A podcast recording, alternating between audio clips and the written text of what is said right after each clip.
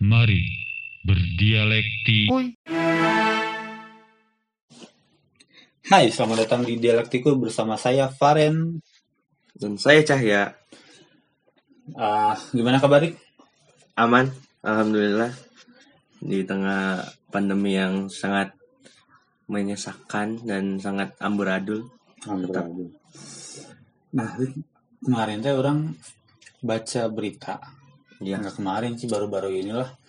Jadi banyak yang menolak bahwa Tan Malaka dimasukkan di buku sejarah nasional. oh iya iya itu rancangan yang dibuat oleh Kementerian Pendidikan ya yang baru. Menurut mana gimana?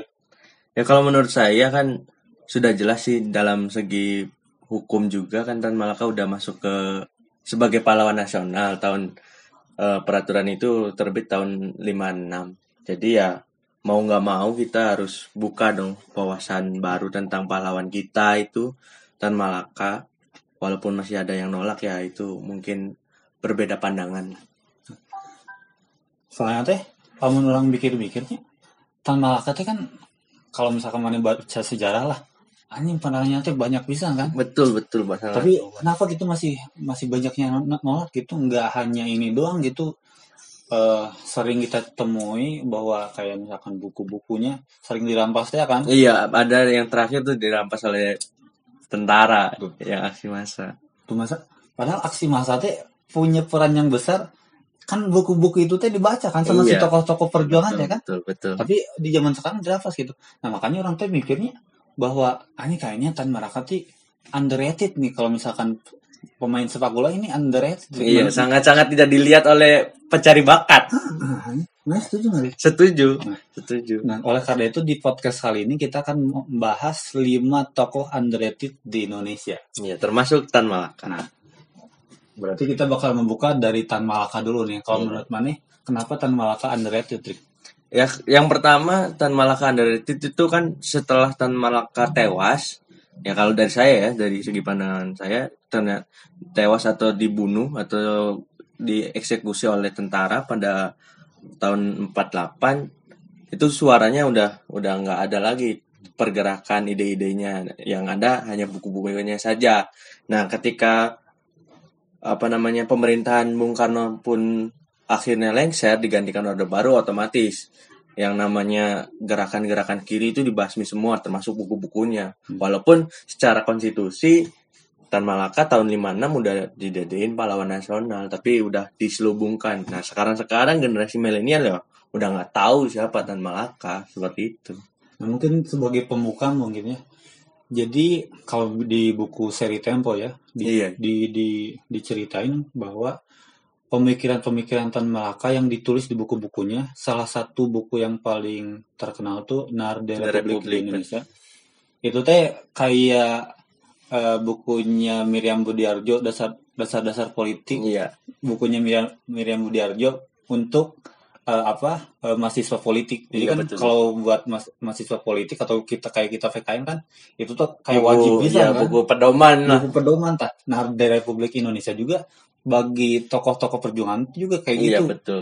Jadi pemikiran-pemikiran Tan Malaka teh banyak banget mempengaruhi eh, tokoh-tokoh perjuangan kayak kalau misalkan di sepak bola mah eh, Tan kayak Johan Khairuf lah ini. Dan Cruyff ya yang yang nyiptain tiket taka Nah. terus dipakai sampai sekarang. Nah. Iya bener. Tapi mereka yang main sekarang misalkan generasi muda pemain Barca mungkin nggak tahu Johan Cruyff itu siapa gitu.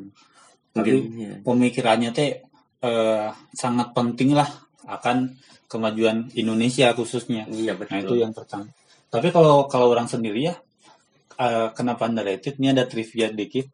Jadi eh, kan kita udah tahu tuh bagaimana eh, apa besarnya peran Tan Malaka. Tokoh-tokoh kayak eh, Bung Karno, Bung Hatta, Soekarni, ada Malik dan siapa pun lah sebutin itu pasti pernah baca bukunya Tan Malaka. Betul. Tapi eh jadi Tan Malaka pernah suka nih sama eh, seseorang Iya. waktu waktu di SMA lah. Biasalah kan kita juga sering kayak gitu. Iya. Nah, Masa jadi- remaja. Heeh. Tapi eh, karena harus kuliah ke Belanda, jadi terpisah tuh.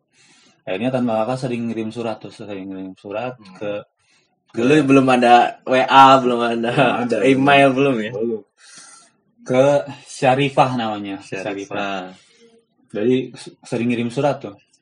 Eh, akhirnya di tahun 80 seorang sejarawan eh, hari Dari pose. nah, Orang dia Belanda. me- menyambangi tuh Syarifah. Masih hidup tuh orangnya itu tahun Masih 80. hidup. Nah, Terus di pokoknya ditanya dan jawaban Syarifah tuh tan.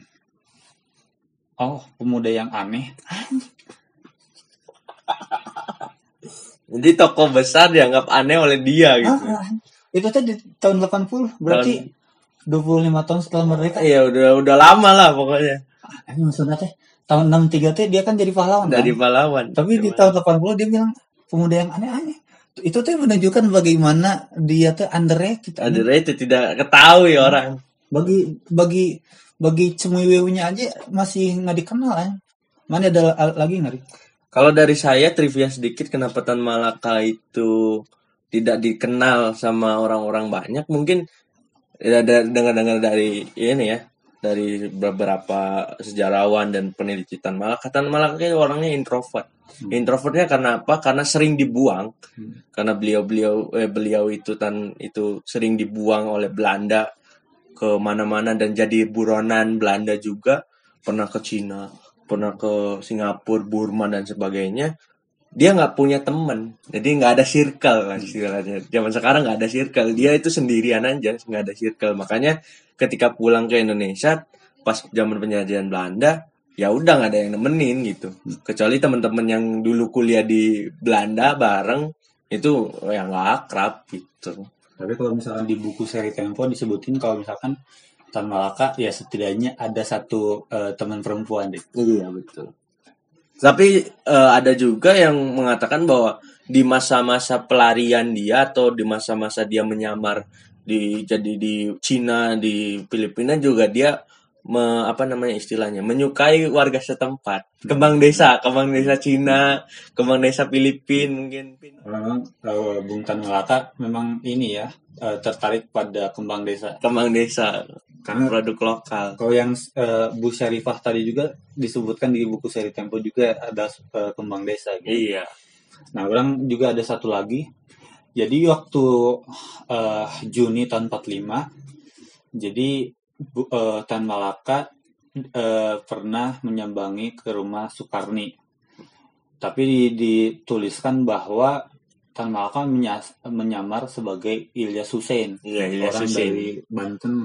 Pakai topi itu orang Ah, tapi berkebun dia kan. iya tapi berkebun dia datang ke rumah Soekarni akhirnya dia ngasih analisis tuh ngasih analisis tentang proklama tentang apa kemerdekaan dan segala macam pokoknya itu sama Soekarni teh anjing ini orang orang orang daerah tapi kok pemikirannya edan gitu. iya betul.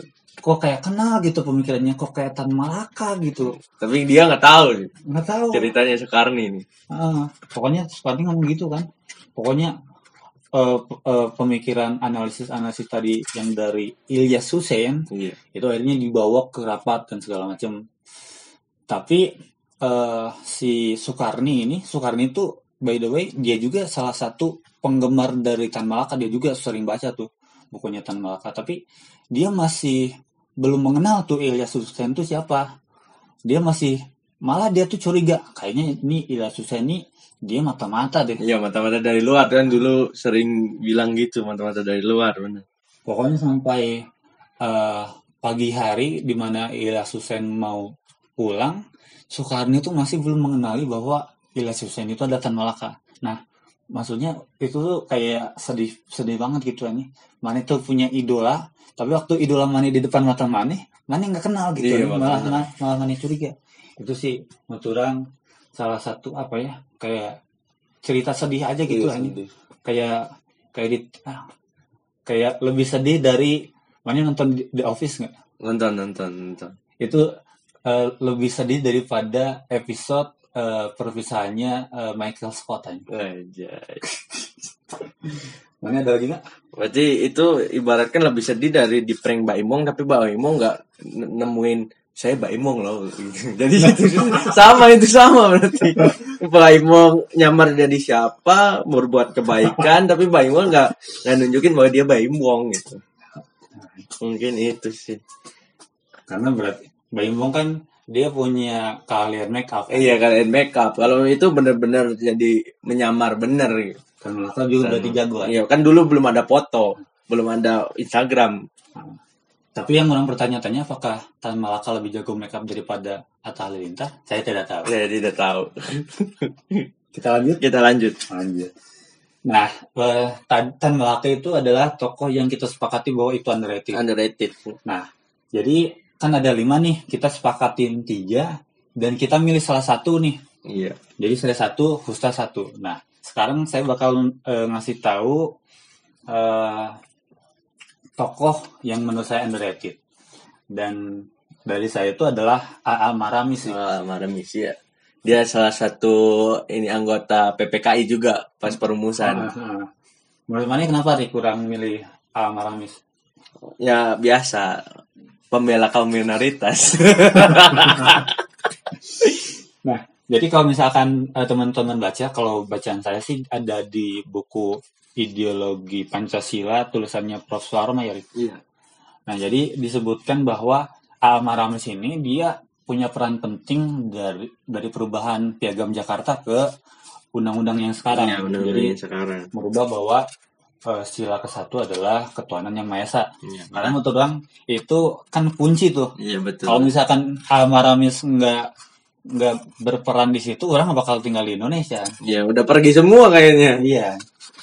Makanya orang sih milih Alma Ramis karena the best lah. Proud lah. Proud. Proud, I'm proud as minority. Yes aja. Tapi nggak nggak hanya itu, eh Alma Ramis juga punya banyak ini ya, punya banyak peran lah. Salah satunya dia tuh eh, Menteri Keuangan Kojo lah. Ya Menteri Keuangan juga beliau. Jadi dia tuh Menteri Keuangan kedua sebenarnya, tapi karena yang pertama itu eh, masa jabatannya terlalu pendek, jadi dia secara de facto ditetapkan sebagai Menteri Keuangan pertama di Indonesia.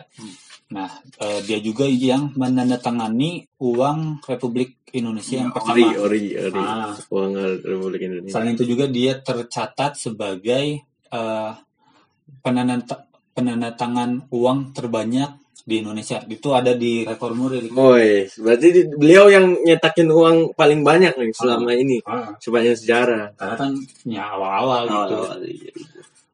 Pokoknya kenapa saya bilang juga Kojo, jadi dia ditunjuk terus dalam beberapa periode ini ya, periode pemerintahan daripada awal pemerintahan, terus juga waktu kabinet Amir Syarifuddin dan Iya. sebagainya gitu. Terus eh ini Rik, karena peran yang besar ya, dia dianugerahi bintang Mahaputra Utama. Woi, sangat berjasa sekali untuk Ah. Indonesia. Jadi itu eh, tingkat ketiga lah. Tapi yang saya rada kaget, ternyata Muhajir Effendi eh, dia punya bintang Maputra Adipura, eh Adipura gitu. Pokoknya yang kedua lah, Yang kedua. dan itu lebih lebih tinggi gitu. Nah, itu kan kita kita nggak tahu ya itu kan tahu. zaman sekarang kan bisa aja kasih penghargaan sama tukang beca pun bisa kalau Iya. misalkan tukang beca berjasa nganterin pak presiden sampai ke istana mungkin mobilnya mogok kan nggak tahu tapi pak besar besar peran kan kita nggak bisa. iya nggak bisa nilai lah Ah. itu kan Ini kan subjektif. Subjektif tapi eh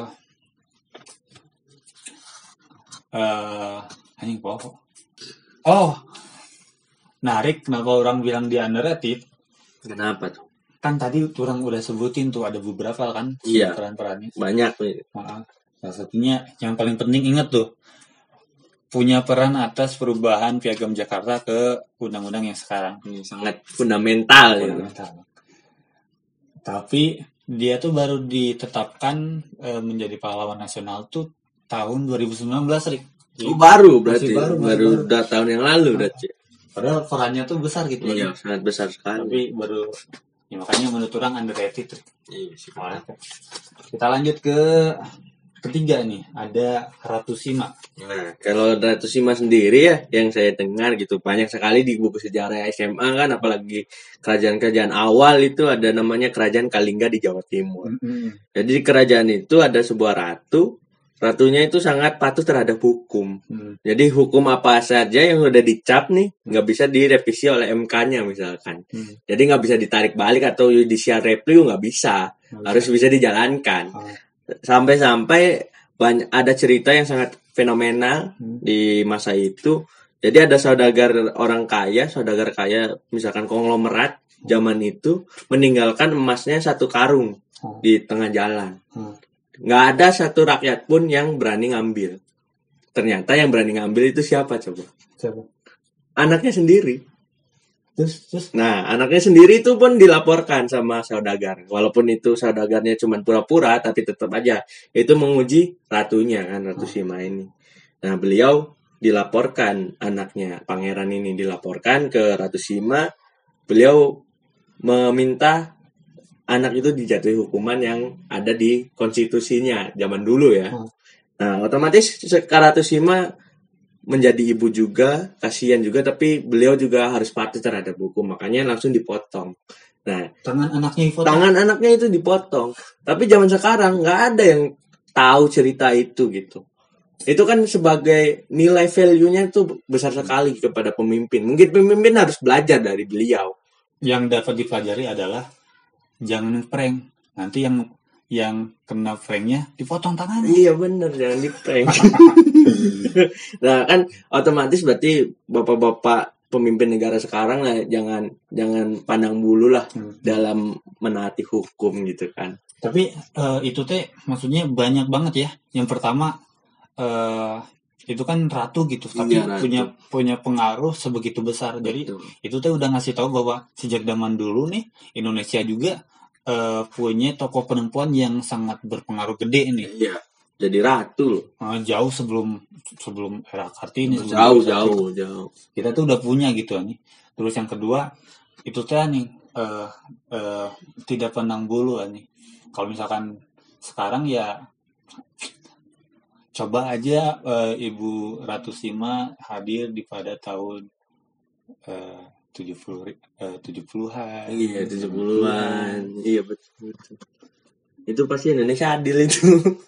Ya seharusnya sih eh, sosok seperti Ratu Sima hadir di setiap zaman ya. Iya, bener. Pasti kan ada peribahasa orang baik itu akan muncul satu tahun sekali istilahnya. Harusnya sih ada, tapi ya nggak tahu di mana gitu. Ya semoga saja Ratu Sima bisa hadir di ke depan-kedepannya. Iya, pokoknya pendengar harus ya setidaknya bisa baca lagi lah tentang Ratu Sima di buku-buku sejarah awal tuh banyak.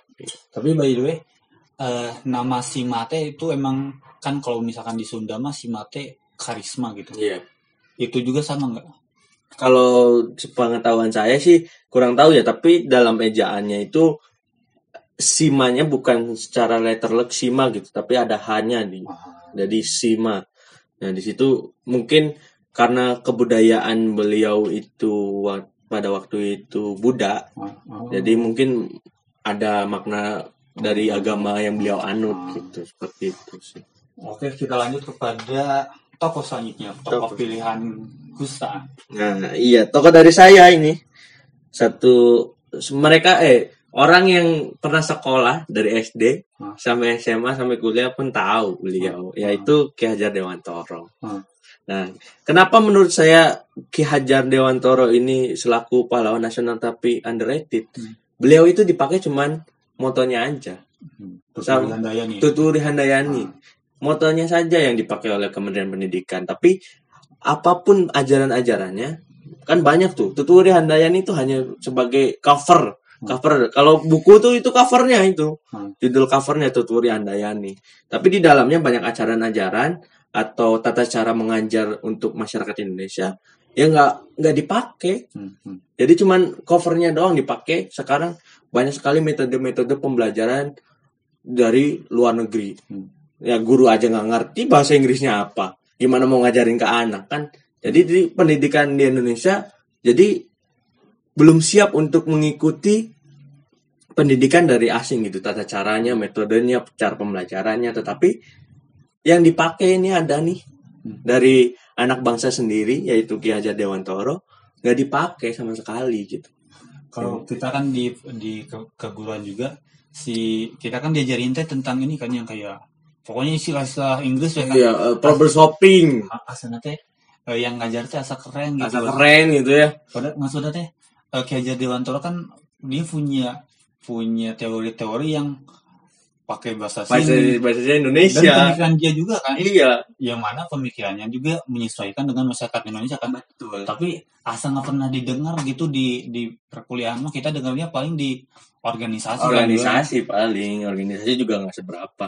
Nah itu yang jadi masalah sekarang gitu. Banyak sekali metode pembelajaran dari luar negeri. Problem solving terus learning by doing atau misalkan tentang project Setuju. citizenship tapi beliau-beliau mungkin para pengajar kita itu kurang memahami tentang pendidikan menurut Ki Hajar Dewantoro apalagi dalam bukunya nih bu- ada trivia sedikit dalam buku Bung Karno Hmm. di bawah bendera Peru- revolusi beliau itu mengutip kata-kata Ki Hajar Dewantoro bahwa guru itu adalah utusan peradaban jadi sebelum Fish menciptakan lagu peradaban Ki Hajar Dewantoro itu udah mengutarakan peradaban gitu. Jadi guru itu istilahnya utusan peradaban. Utusan peradaban itu bisa disamakan dengan Nabi dan Rasul bahwa guru itu bertanggung jawab baik buruknya peradaban di masa yang akan datang. Itu berat sekali gitu. Tapi itu nggak dipakai. Makanya saya masukkan Ki Hajar Dewantoro ini ke dalam tokoh yang underrated. Eh, orang teh pernah ini ya pernah ikutan lomba di sekolah yang kayak ranking satu pinter nggak tuh? Iya, Kayak iya. gitu-gitu. Terus teh eh, siapakah eh, bapak pendidikan di Indonesia? Ah itu waktu kelas berapa ya? Kelas 7 apa? Pokoknya SMP lah SMP, SMP. orang teh mikir ini siapa siapa? Karena orang taunya ah Bung Hatta pinter nih. Orang biasanya Bung Hatta. Padahal Bung Hatta bapak koperasi. itu entah entah memang kayak Dewantoro-nya yang kurang diekspos atau emang sayanya juga yang bego ya. Bisa jadi dua-duanya itu. Nah selanjutnya kita lanjut ke tokoh yang terakhir nih. Tokoh terakhir kita pamungkas ini pilihan kita berdua ini. kita pilih. Empu Empu Gandring. Iya. Kenapa Rik? Kenapa Rik kita pilih Empu Gandring? Rik? Nah, kenapa ini? Kok Empu Gandring? Empu Gandring bukannya tokoh hayalan, guys. Tunggu dulu, boy. Jadi Empu Gandring sekarang udah tahu lah, bahkan seluruh Indonesia tahu siapa itu Empu Gandring yang buat kerisnya kan, keris. Nah, ada trivia sedikit dari saya kenapa Empu Gandring itu underrated Hmm. di dalam kalangan masyarakat Indonesia. Empu Gandring itu identik dengan mistis-mistisnya. Mm-mm. Nah, tapi saya mencoba untuk melogikakan ajaran-ajaran dari Empu Gandring mengenai peristiwa Ken Arok kan. Hmm. Ken Arok mau memberontak kerajaan Hmm. dulu gitu. Jadi dalam logika sederhana bahwa Empu Gandring kan membuat keris tuh buat Ken Arok. Nah, tapi belum jadi. Hmm. Ken Arok masih minta nih. Hmm. Tetap tetap minta, tetap minta akhirnya Empu Gandring dibunuh. Hmm. Padahal Empu Gandring bilang jangan nanti dulu belum selesai kan. Padahal sih masih 50 persen. 50% masih Ah. masih baru batangnya doang, belum gagangnya. Ah. Kan itu belum bisa dipakai gitu. Ah. Tapi dalam secara logika ya, secara secara mengesampingkan mistisnya bahwa Mugandhi mengajarkan pemberontakan itu tidak bisa dijalankan. Jadi memberontak itu tidak baik. Nanti dulu belum belum saatnya Ken Arok itu menjadi raja. Makanya Empu Gandhi bersumpah bahwa tujuh turunan Ken Arok bakal mati terbunuh dengan keris itu. Hmm. Sebetulnya mati keris itu istilahnya mati karena ulahnya sendiri. Jadi memberontak itu tidak baik apalagi pemberontakan yang dilakukan Ken Arok itu masih prematur. Hmm. Belum selesai masih wah masih pasukannya sedikit apa segala macam. Memang Ken Arok bisa membunuh raja dan mengawini atau menikahi Ken Edes. Tapi kan anak-anak dari raja tersebut masih hidup Hmm. otomatis kan balas dendam, adanya balas dendam dan segala macam. Makanya terbunuhnya anak-anak Ken Arok keturunannya juga sebetulnya bukan secara mengesampingkan mistis ya, secara logika itu karena kudeta yang saling berganti gitu. Eh, untuk menyimpulkannya bising teman-teman kurang ini.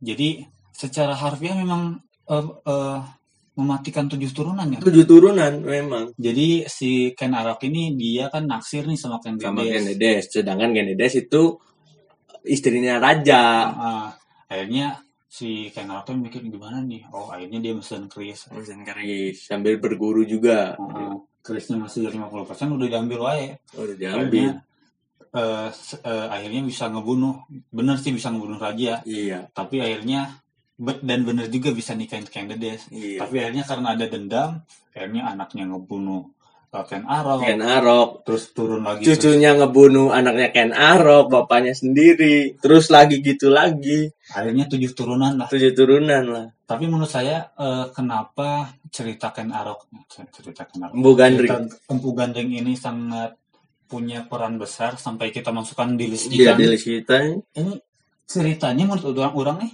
sampai ke Hogwarts sampai ke Hogwarts. sampai ke dunia Harry Potter aja karena Ap- Kenapa bisa masuk Harry Potter nih? Apa dibawa oleh Albus Dumbledore atau gimana? mana mana eh, nonton Harry Potter sampai habis nggak Nonton lah. nah di Harry Potter sih ada namanya tongkat Elder Rick. Oh iya, tongkat paling paripurna. Tongkat paling, paling sakti pokoknya. paling sakti ya. Iya, tongkat paling sakti. tapi karena karena kesaktiannya kan orang teh pada pada pengen nih Iya, pada pengen iya, iya. Harus ngebunuh Iya, bunuh kan saling membunuh. dan supaya si mitosnya kan eh, siapa siapa pun yang ngebunuh pemilik eh, tongkat Elder bisa punya tongkatnya kan Iya, diterusin. kan ini sama ini sama kayak kayak mirip-mirip gitu Iya, mirip-mirip kerisnya Bu Gandring sama tongkat Elder. Menurut orang sih ini sih eh, siapa sih penulisnya teh Si si Eta lah J.K. Rowling. ah J.K. Rowling menurut orang sih dia baca cerita Empu Gandring sama orang Tapi kayaknya Albus Dumbledore juga yang yang punya tongkat Elder terakhir itu siapa? Harry Potter Si Harry Potter kan. Sebelumnya siapa berarti? Saya kurang tahu nih. jadi kan eh, Harry Potter Harry Potter Ngebunuh siapa sebelum dapetin Elder nih? sebenarnya dipikirnya teh Voldemort Oh iya. Tapi- Ternyata tapi sebenarnya teh yang punya teh si Malfoy. Malfoy yang Oh Malfoy yang ngebunuh Voldemort atau bukan, bukan? si ini si Snape Oh Profesor Snape. Ah, ah. jadi sebenarnya mah cuma dilucuti doang nggak usah Oh. dibunuh Oh iya iya. tapi akhirnya mah ya dirusakin nah menurut orang orang sih punya eh, pemikiran bahwa jika Rowling ini lihat ceritanya ini. Tapi saya berfantasi bahwa jangan-jangan ini Voldemort ngambil kerisnya Empu Gandring. Selama ini hilang, kayaknya di bawah Voldemort diganti, dirubah bentuknya kan Voldemort bisa sihir lah. Ah, ah. Diganti bentuknya jadi tongkat kayaknya. makanya bisa sekuat itu ya. Bisa sekuat itu dan kutukannya hampir sama. ah ini kenapa nggak kepikiran Iya itu. daripada ya udah eh, itu aja paling ya di episode kali ini Iya, kita berfantasi lagi nanti lagi. kita karena saya sedang berpikiran ya apakah benar Voldemort itu ngambil kerisnya Empu Gandring nih Dan jangan-jangan Voldemort itu keturunan Ken Arok. Nah udah teman-teman saya mau saya sama eh, Kirik mau berpikir lagi ya. Jadi sampai jumpa di episode selanjutnya. Goodbye. Bye.